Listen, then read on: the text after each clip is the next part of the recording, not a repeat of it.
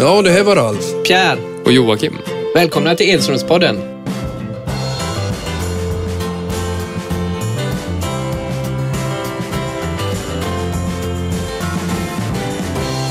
Hej och välkomna till Edströmspodden. Idag ska vi prata lite om rådgivare. Vi har varit inne på det här ämnet tidigare men eh, fått väldigt mycket bra respons och eh, det är ett hett ämne och speciellt nu i silly season-tider.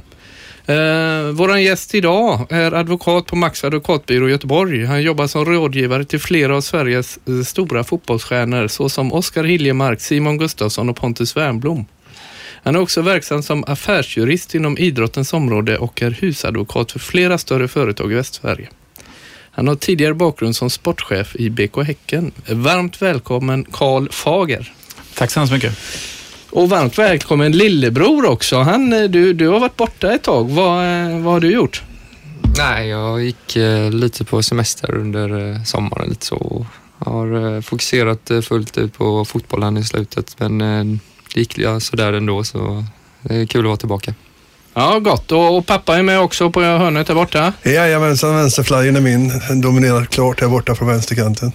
Okej, då börjar vi med det viktiga. Katten är tillbaka. Ja, det är det viktigaste. Alltså, våran katt sprang bort i juli och kom tillbaks eh, efter fem månader. Det är helt ofattbart, men eh, det var glädjen stod högt i tak i det Edströmska hemmet, så det känns underbart.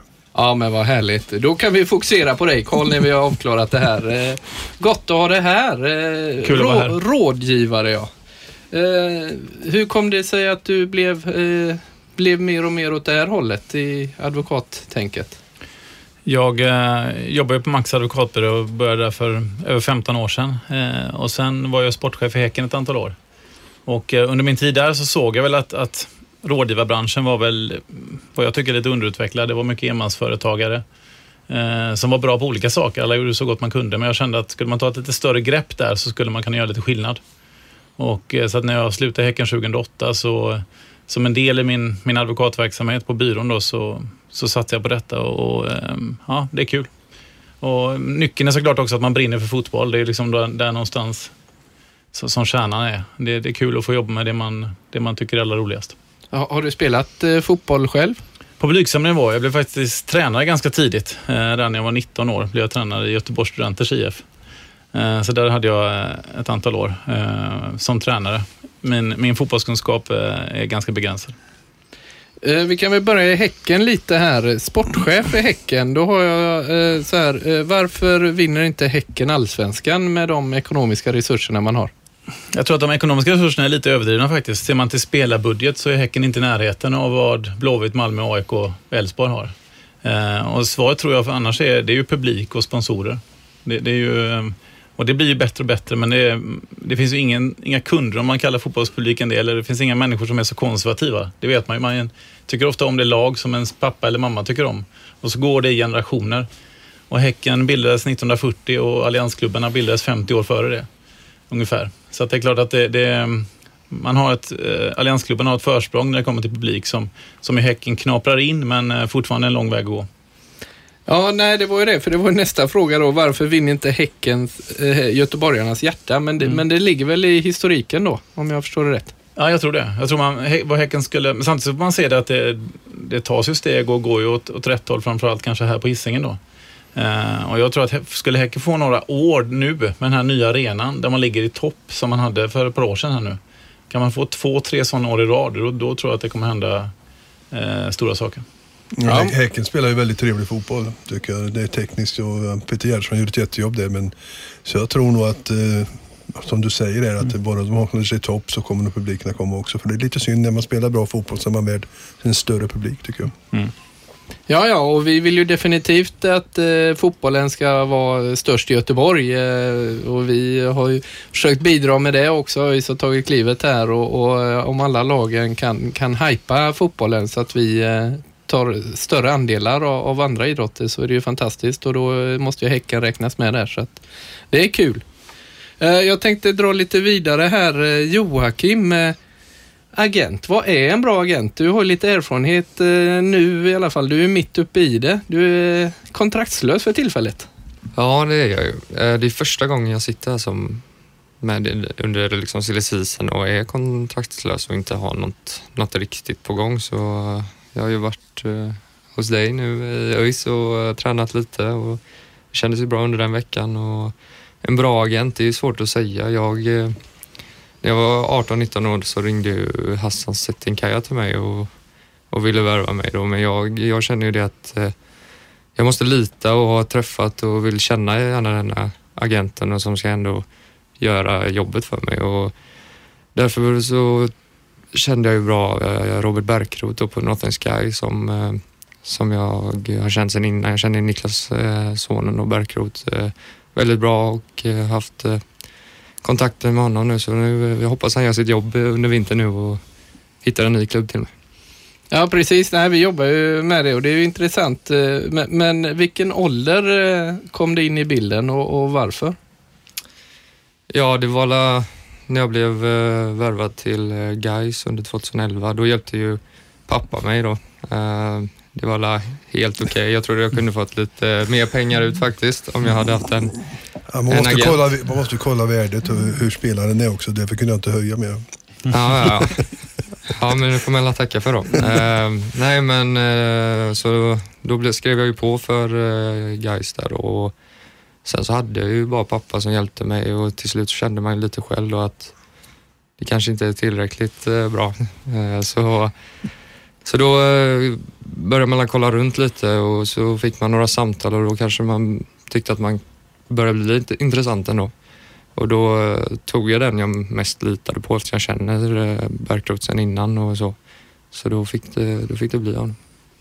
Ja men det är ju eh, bra och då får vi verkligen hoppas att han gör sitt jobb nu då för eh, det ska bli intressant att följa och vi för ju diskussioner men jag sitter ju i ÖIS och jag hänvisar till Sportrådet så att eh, vi, vi, vi får se vad som händer. Eh, jag tänkte på eh, det här med föräldrar också och att de ligger på och trycker på. Karl, märker du mycket av, av eh, att det är mer och mer föräldrar som trycker på idag än tidigare? Eh, jo, men så är det absolut. Föräldrarna är ofta väldigt engagerade. Eh, och, och jag ser det att när man kommer in som rådgivare så blir det ju mer att ofta, en, ofta är det en engagerad pappa eh, och det, det, tycker jag det ska fortsätta att vara. Så då kommer man in som ett komplement och blir man egentligen ett team. Rådgivaren, föräldern och spelaren. Eh, så allt som oftast tycker jag egentligen att det är väldigt positivt med engagerade föräldrar. Det eh, finns en gräns för det såklart, men jag, jag tycker det är bättre än en oengagerad förälder. Mm. Finns det sådana som ringer upp eh, till dig också och, och eh, vill att du ska hjälpa dem? De, de, I vilken ålder är de i? Det, är unga, det blir yngre och yngre på den biten. Så är det och det kan man ibland ha märkt. Man får samtal från en förälder och så tar man ett möte och så märker man att grabben är inte särskilt själv intresserad eller kanske inte ens vill bli elitfotbollsspelare utan det är mer förälderns eh, drömmar och önskemål. Och då, då får man ju dra öronen åt sig lite och då, då kanske föräldern borde känna av det och backa också. För det ska ju alltid spelarens på något sätt intresse och vilja som måste styra, annars kommer det inte bli bra i längden. Ja, det verkar lite så som föräldrar nästan ska förverkliga sig genom sina barn. Om mm. de själva inte varit så bra så ser de att de ser massa pengar helt enkelt ligga där och att det finns möjligheter då kanske för sonen eller dottern då att eh, tjäna mycket pengar. Och mm. Då trycker de på lite extra och det är ju inte bra om inte dottern eller sonen vill fortsätta. Det känns lite konstigt måste jag säga. Så är det. Sen, sen är det undantagsfall ska jag säga. Utan ofta tycker jag att eh, föräldrar är engagerade på ett bra och positivt sätt. Vilken ålder är det, ska man eh, börja lyssna på, på sånt här? Och, finns det någon generell eh, tanke där? Normalt sett så brukar det här ske i 14-15 års åldern eh, i samband med det så kallade Halmstadläget, alltså när man börjar spela i stadslag och så vidare. Det första landslaget tas ut.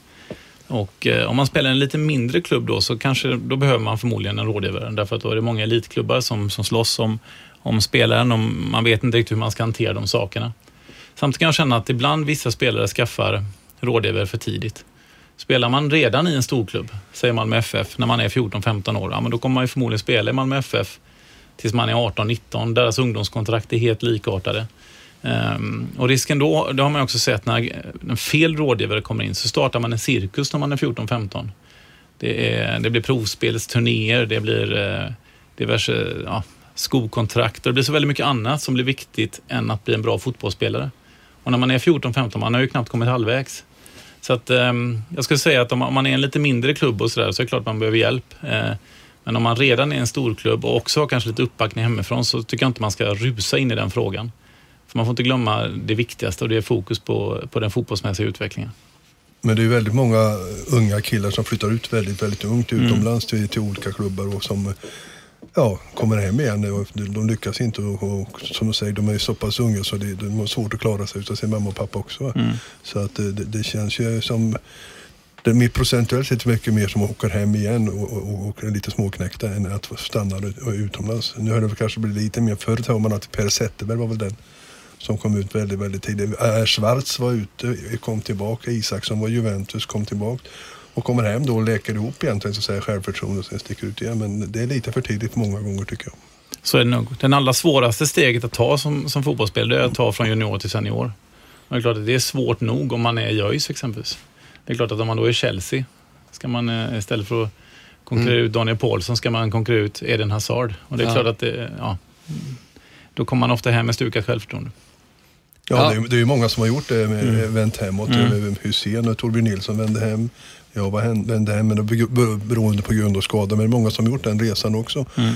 Uh, Andreas Andersson det var i Milan, sen gick han över till England. Och, uh, ja, han, jag ska inte säga var knäckt, det var ju tungt för honom. Men så kommer han hem till Sverige igen och blommar upp igen. Då. Så det är många som tar den vägen hem igen och det tror jag är rätt. Titta, Elfsborg har tagit hem många hemvändare också. Mm. Som sen också kanske kan ta steget ut i.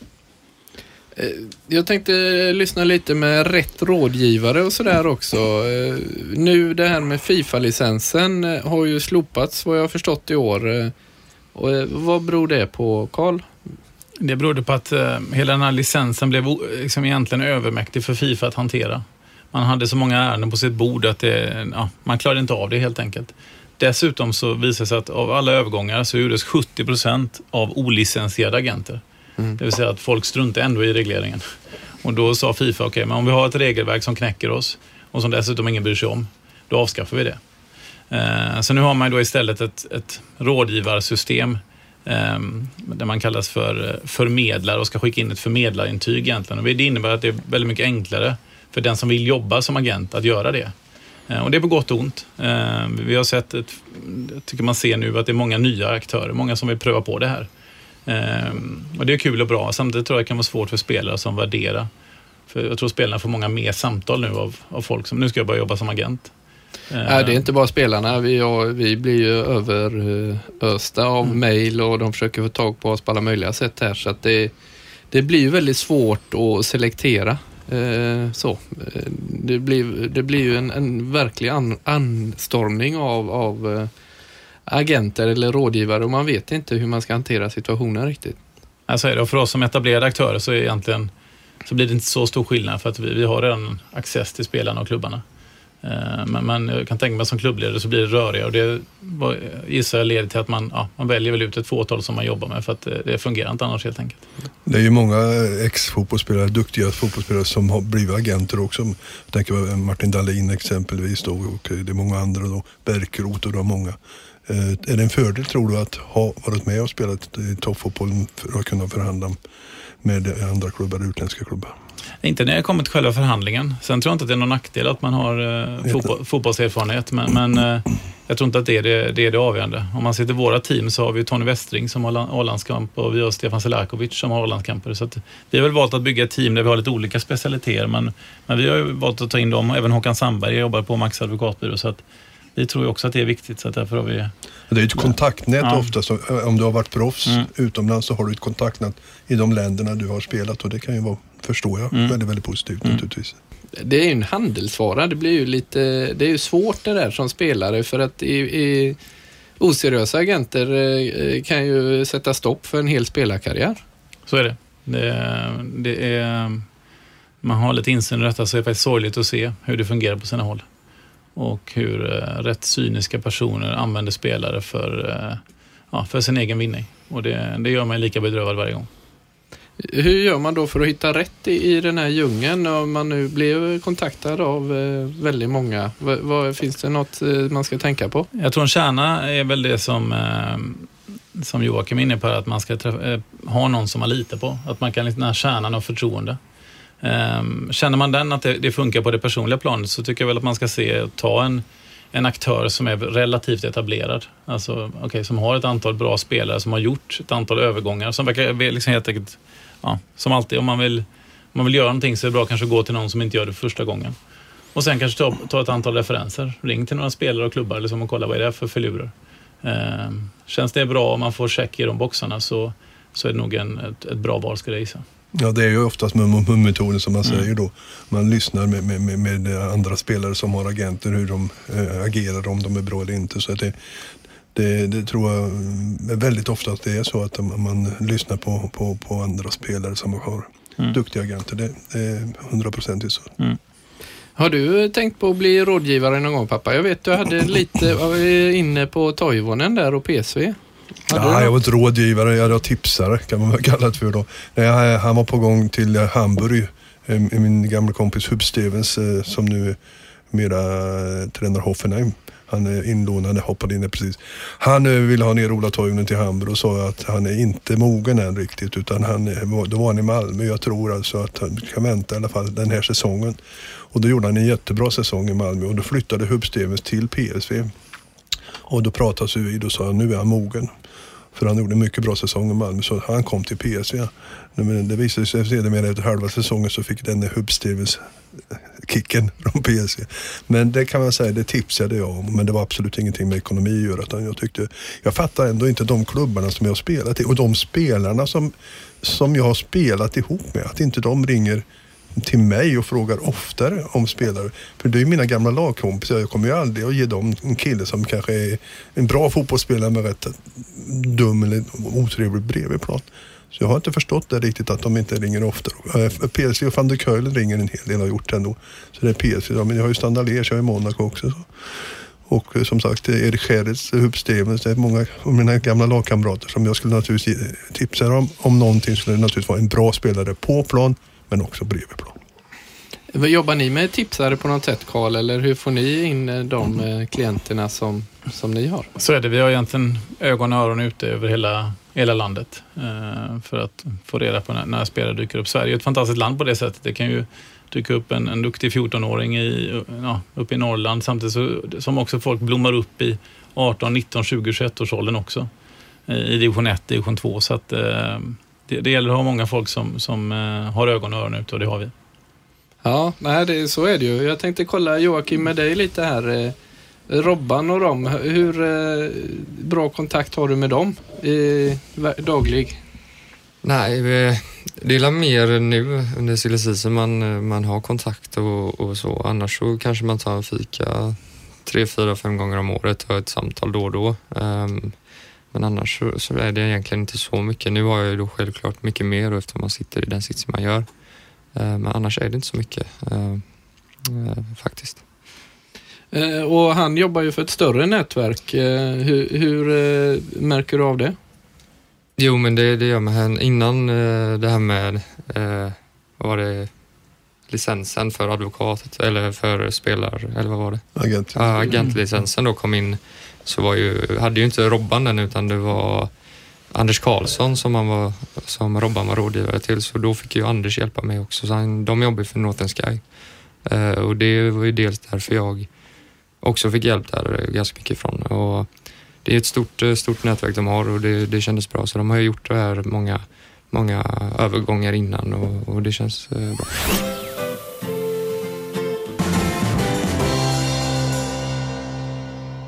Jag tänkte på olika länder och olika avtal. Är det en, en djungel där ute, Karl? Eh, eh, hur, hur, funkar det i andra länder? Är det liknande som Sverige när det gäller avtal och regler? Om man börjar med agentsituationen eller andra länder så kan man säga att Sverige är relativt eh, enkelt att jobba i. Vi har ungefär cirka 30-40 aktörer. I andra länder är det djungel minst sagt. I, i um, Italien finns det cirka tu, tusen agenter. Ja. I England räknar man att det idag finns 1300 agenter. Det finns fler agenter än spelare. Så att det är ju en, en helt galen situation. Eh, och en väldigt tuff. Jag pratade med en, en, eh, en italiensk klubb som förhandlar med en spelare om att förlänga hans avtal och de var nu, han var inne på sin tredje agent under den förhandlingen. Mm. Så att det är en helt tokig situation som egentligen inte är bra för vare sig spelare eller klubbar, men, men så ser det ut. Eh, när det kommer till avtal så är det absolut så att det, det varierar. Eh, Fifa-reglerna är ju samma överallt. Men eh, det finns kollektivavtal och särskilda regler i varje land så det är ju en utmaning i den här branschen att man Att man på något sätt, att göra affär i varje land, det kräver en unik kunskap för varje land. Eh, så det handlar ju dels om att bygga på den kunskapen själv, men också ha folk i varje land som hjälper en. Alltså, jag tänkte på Holland, det är, ju, det är ett första steg ofta för svenska spelare. Jag tror vi som var ute tidigt i Holland la lite grund till detta för att vi var vi jobbade och slet och, och, och gjorde bra PR för, för svenska fotbollsspelare. Eh, Groningen och Heerenveen har ju en eh, förkärlek kan man väl ändå säga till, eh, till svenska spelare. Och det, det är också ofta ett steg en svensk spelare gör. Sen förädlar de, försöker förädla dem i Holland så de kan sälja vidare som exempelvis eh, Hiljemark. Precis så är det. De holländska klubbarna har ju väldigt bra koll på den svenska marknaden. Jag skulle tro att de holländska klubbarna har bättre koll på den svenska talangen än vad du har Pierre faktiskt. Ja, ja. Och då har du säkert ännu bra koll. De, de har bättre koll än vad svenska, alltså toppklubbarna Allsvenskan har. Jag brukar ju träffa på, eh, nu jobbar jag inte på radion längre, men han kom alltid in och hälsade in som heter Juri det. Som kommer från Groningen. Groningen. Mm. Spelade i PSV och öste in mål där faktiskt. Långt efter att jag eh, spelade där då.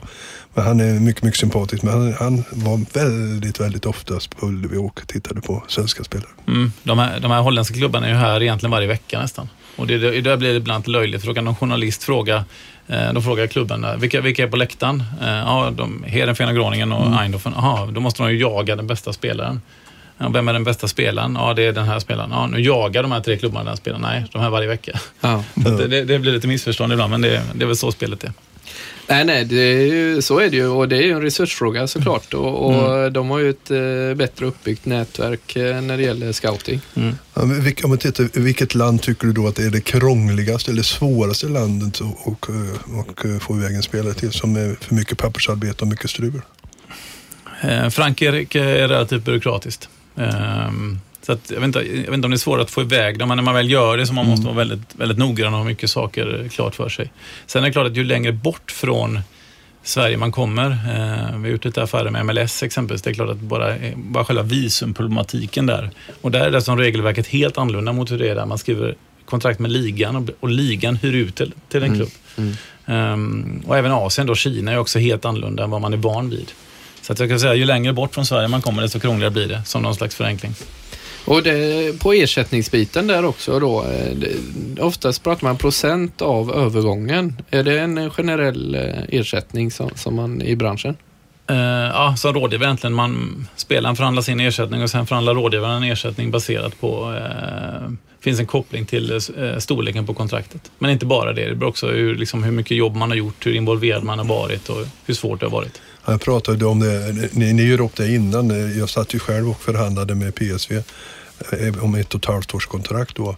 Och eh, då tycker jag man gör upp innan med den. Han var inte agent men han, han hjälpte mig. Lars Hallgren för detta.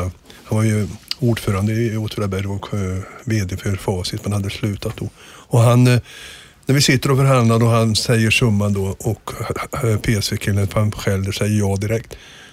Då kunde inte han hålla sig utan säger till mig, Ralf, utav det här tar jag 10 000 dollar. Man gör ju upp sånt innan man sätter väl lite förhandlingsbord hoppas jag. att det gör. Så man inte kommer in och säger, fasen hugger de här direkt och får jag så mycket pengar.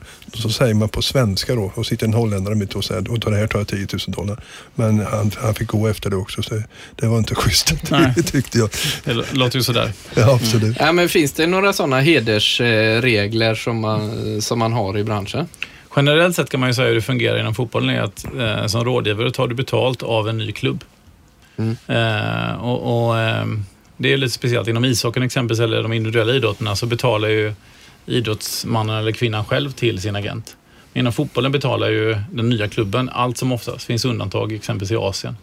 Ehm, och där är väl, en, apropå en hederskodex då, det finns det ju de lite mer oseriösa aktörerna som, som tar betalt av klubben. Tack så mycket. Säg inte till spelaren, säg till spelaren, du jag vill ha betalt av dig också. Mm. Eh, och, det är ju inte så snyggt. Apropå hederskodexet, så, så bör man inte göra. Utan jag tycker hederskodexen ska ju vara transparens. Alltså okej, du, varsågod spelare, det här kommer du känna och det här kommer jag känna. Och känns det okej för alla? Mm. Eh, så, så tycker jag är liksom vägen framåt. Det är ju, apropå att bygga förtroende, öppenhet och ärlighet, är liksom, eh, ofta en bra väg framåt där. Men, men eh, alltså, det är just i övergången, men har, jag vet ju förr var det väl sådana också som hade pro- procent på månadslöner och sånt som spelarna fick. Ja, precis det jag menar. Men ofta får man ju det egentligen av klubben. Och klubben, okej. Eh, Så då ska man ju inte också ta det av spelaren. Om inte man kommer överens med spelaren om det och att man tycker det är schysst.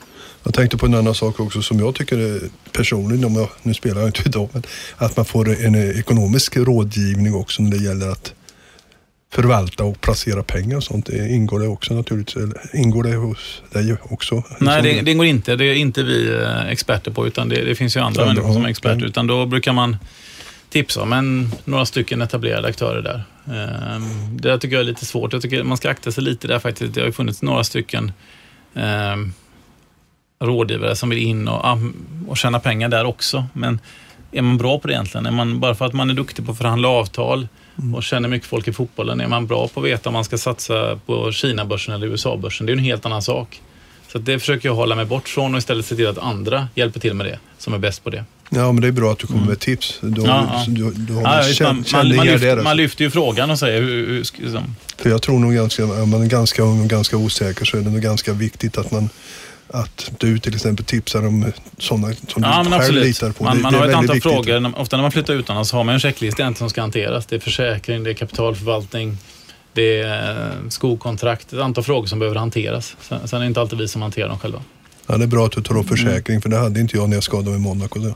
Utan jag spelade match, eh, pratade med, spelat en och ett och ett halvt år i Monaco, så jag sa till en av våra, mina lagkamrater, Jacques Perry, alltså jag måste ju ta en försäkring. PSV försäkrade, eh, PSV försäkrade dig. Standardlet fick man ta egen försäkring. Men jag hade inte gjort det. Jag spelade ett och ett halvt år i Monaco. Då sa jag, ska vi spela på lördag och säga till Jacques, vi måste ta en försäkring. Vi tar det på måndag, sa han. Vad tror du hände på lördag? Mm. då gick ju knät sönder. Så mm. tappade då, ja, jag vet inte hur mycket pengar jag men de är säkert uppåt en halv miljon i och med att man var slarvig. Och det är bra att ni ser till att sådana saker fungerar. Så är det, det är lite krångligt för sagt, det skiljer sig från land till land. I Holland får du full lön även om du skadar hela kontraktstiden. I Tyskland får du inte det, där måste du ha egen försäkring. Så där måste man ju sån koll på vad som gäller i varje land och det är ju en utmaning.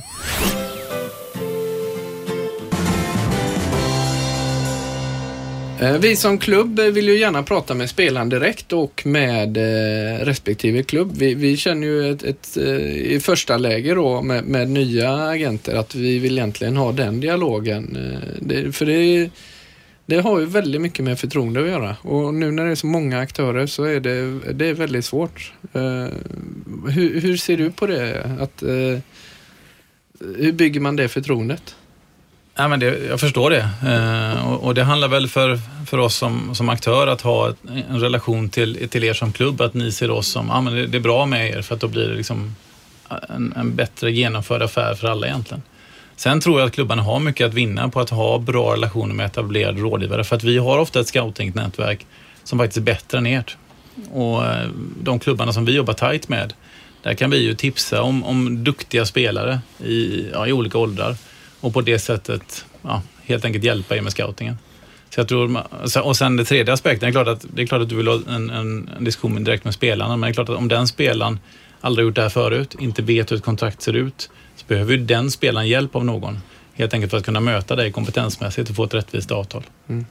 Jobbar ni över gränserna ibland? Hjälper varandra som, som, som agenter eller rådgivare? Eh, så är det absolut. Eh, med, med eh, seriösa aktörer, exempelvis eh, Robert och Per och hans gäng, eh, samarbetar vi gärna. Hur jobbar ni vidare med spelaren? Hur, hur, följer ni karriären och finns det en, har man en långsiktig plan när man tar sig an en spelare? Absolut. Vi gillar att jobba strukturerat, att man lägger upp planer med spelare.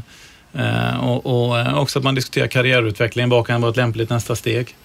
Men sen i takt med spelarna blir större och bättre så kommer också andra frågor in och där är det klart, där är det lite fördel att, vara en, att jag också är på en stor affärsjuridisk advokatbyrå med, med folk som kan olika saker. Upphovsrätt, sponsoravtal, skatterätt med mera, med mera.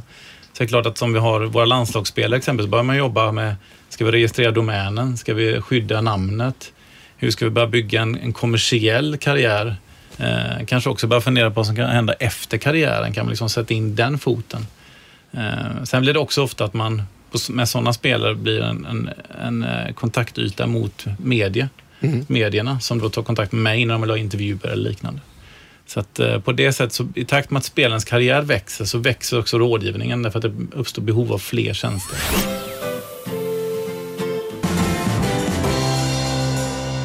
Ja, jag brukar alltid säga så här att eh, när de öppnar de här fönstren då ska värva framförallt med tanke på svensk fotboll, eh, allsvenskan och kanske superettan. Lag som ligger väldigt långt ner och, och vill klara sig kvar. Och, och ska du skriva kontrakt då vill man ju gärna, klubbarna säkerligen skriva ett halvårskontrakt då. Men eh, det vill säkert inte agenterna utan vill kanske ha ett längre kontrakt. Och åker då klubben ut så ligger de kvar med den kostnaden året efter fast de då degraderas. Hur, när fönstret öppnas, det blir lite ruljans på det hela. Det är mycket affärer under just när fönstren öppnas ute, ute i Europa men även i Sverige. Ja, men så är det. Det, det är under fönstren det händer och eh, den situationen du beskriver kan man också vända på det för ofta vill spelarna eh, kanske inte följa med ner en division. Så att man, ofta kan det finnas ett ömsesidigt intresse att i det läget ha en klausul som säger att åker man ner så kan man bryta bägge parter. Eh, sen vem som sitter på makten i sådana förhandlingar, det är ofta vem som, liksom, vem som är den starka parten. Om du har en, en, en, spelare som bara har ett alternativ, ja, då är klubben den starka parten. Men om du har en spelare som många klubbar att välja på, ja, då är det lite tuffare för klubbarna. Mm. Nej, för jag brukar alltid säga det, för det känns lite så för att det blir panikköp då. Mm. Och, eh, medan spelar du i, i, i Superettan så, så har du ändå ett eh, väldigt bra bidrag från Svenska fotbollsförbundet på 3,5 miljoner är det väl minst. Mm. Och om man då ner i Superettan så drabbas man ju väldigt mycket ekonomiskt. Söderettan, eller? Ja, söderut. Ja. Division 1. Division 1. Men jag tror nyckeln här är för, för svenska klubbar och utmaningen är att förbättra sitt scoutingarbete. För där upplever jag att man kan få samtal från klubbar som i panik säger, har du det här eller det här? Där tycker jag att man ska ligga tidigare ute. Eh, om man jämför med utländska klubbar där så har de, de har liksom tre duktiga spelare på varje position. Så att om någonting händer, oj nu gick den här spelaren blev, gick sönder, okej okay, men då tar vi in ettan på den listan, han kunde inte, okej okay, tvåan eller trean. Man ligger längre fram där. Ja, då hamnar man aldrig i det här panikläget som du beskriver och då tror jag att situationen blir bättre för alla. Ja, jag ska tänka mig det. Jag tyckte, jag tänkte förra året var det väl Malmö som tappade spelare och, och tar dit Kiese Thelin som inte nästan spelade överhuvudtaget i Norrköping. Tinnerholm från Åtvidaberg och Ado. Och alla tre kliver in direkt och tar en plats. Det är imponerande scoutat tycker jag. Även det här året, när det inte gått lika bra i Allsvenskan, så har ju Malmö ändå gjort, har väldigt duktig scouting på, på framförallt kanske utländska spelare. Mm, så är det.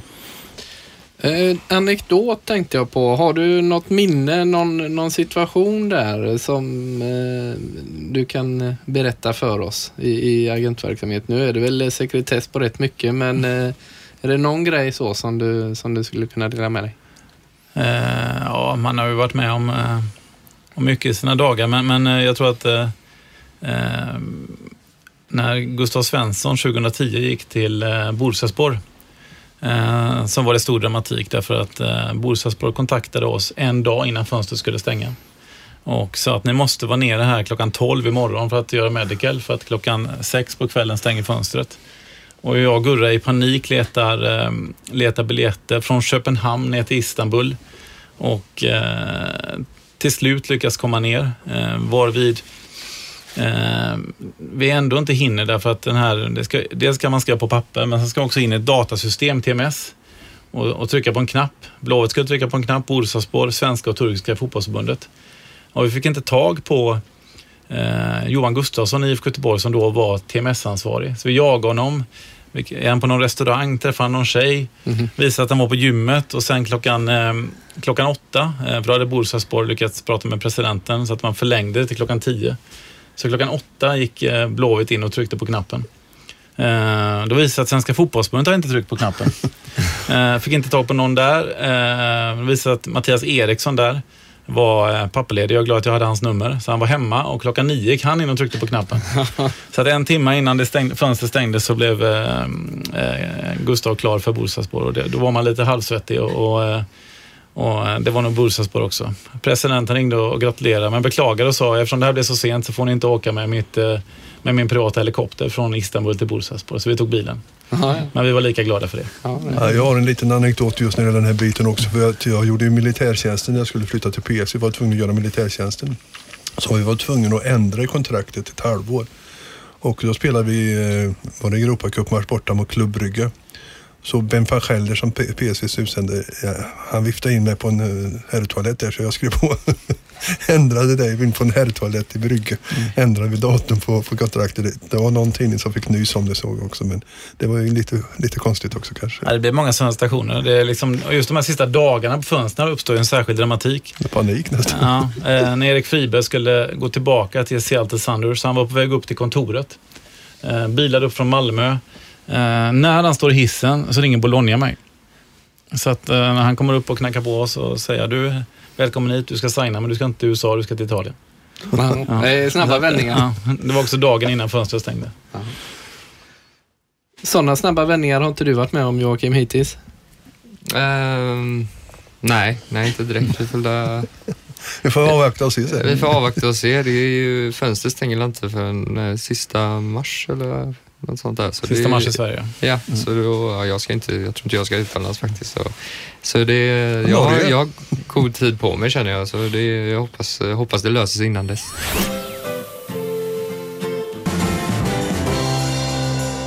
Aktuell fotboll. Eh, vi kan börja med eh, Real Madrid-Barcelona som du var på plats. Karl, hur var stämningen?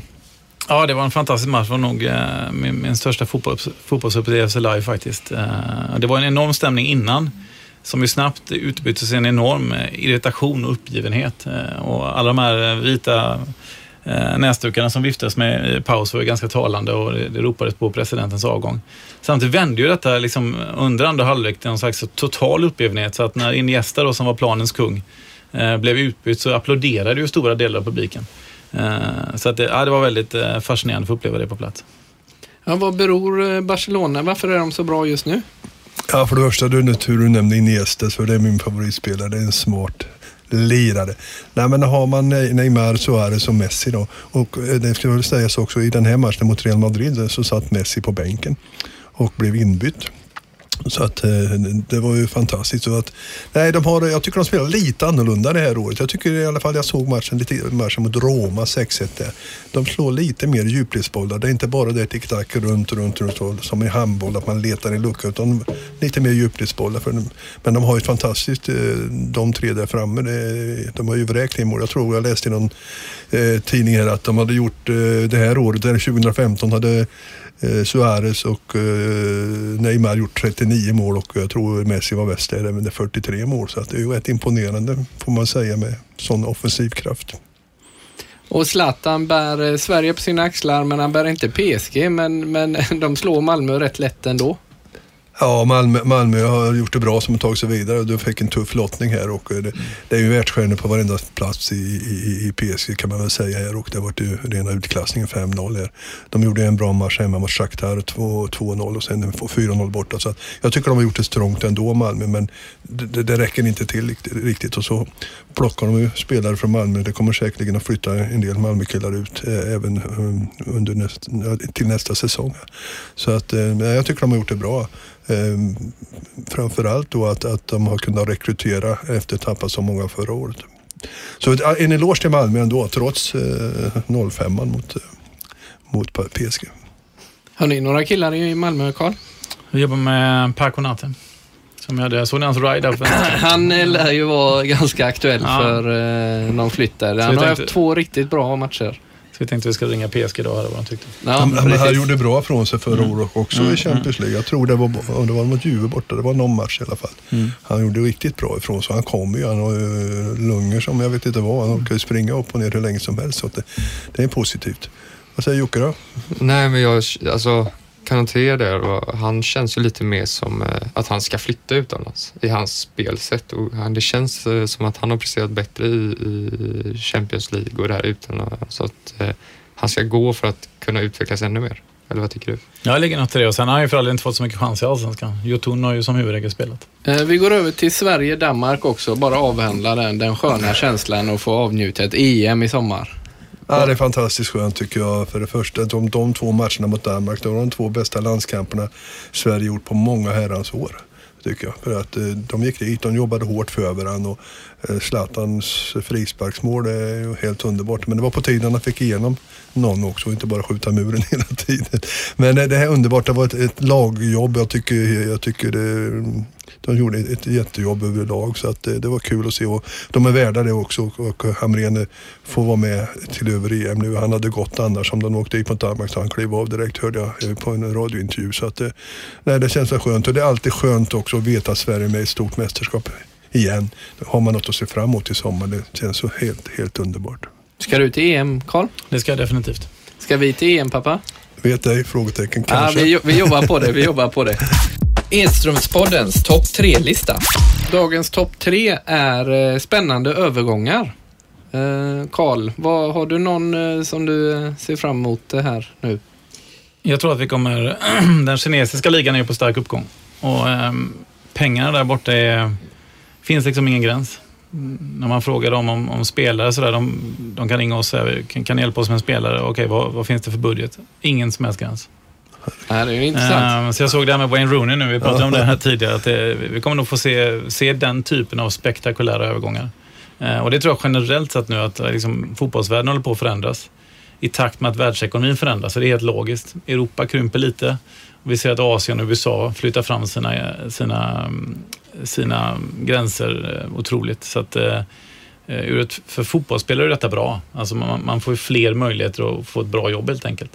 Eh, samt som man får bedöma i vilka skeden av sina karriärer som det är lämpligt att, att, att gå till lite mer vad vi kallar udda marknader.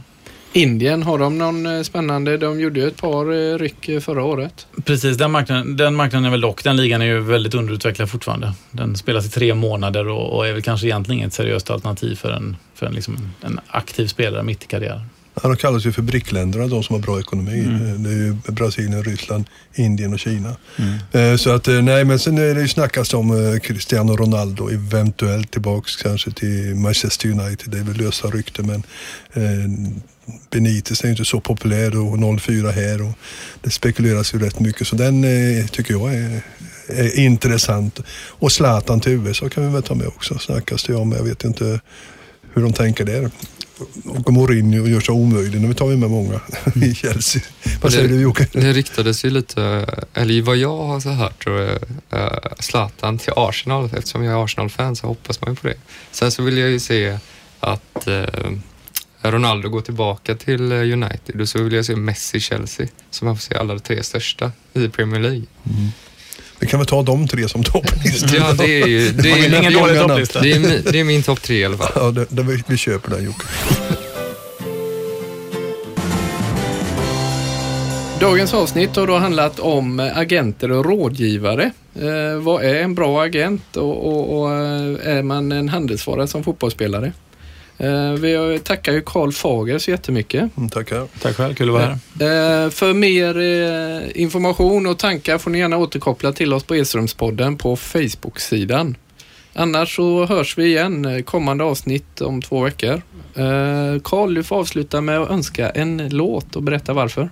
Som, som göteborgare och även musikälskare så tycker jag Joel Almes nya album är, är helt grymt. Så att, jag låter producenten välja någonting fritt där från albumet Flyktligan. Då säger vi så. Ha det gott. Tack så mycket för idag. Ha det gott, hej hej. Hej!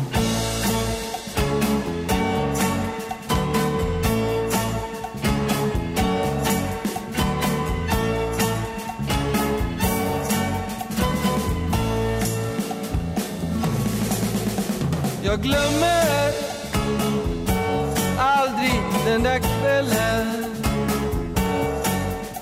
Vet du fina, jag hör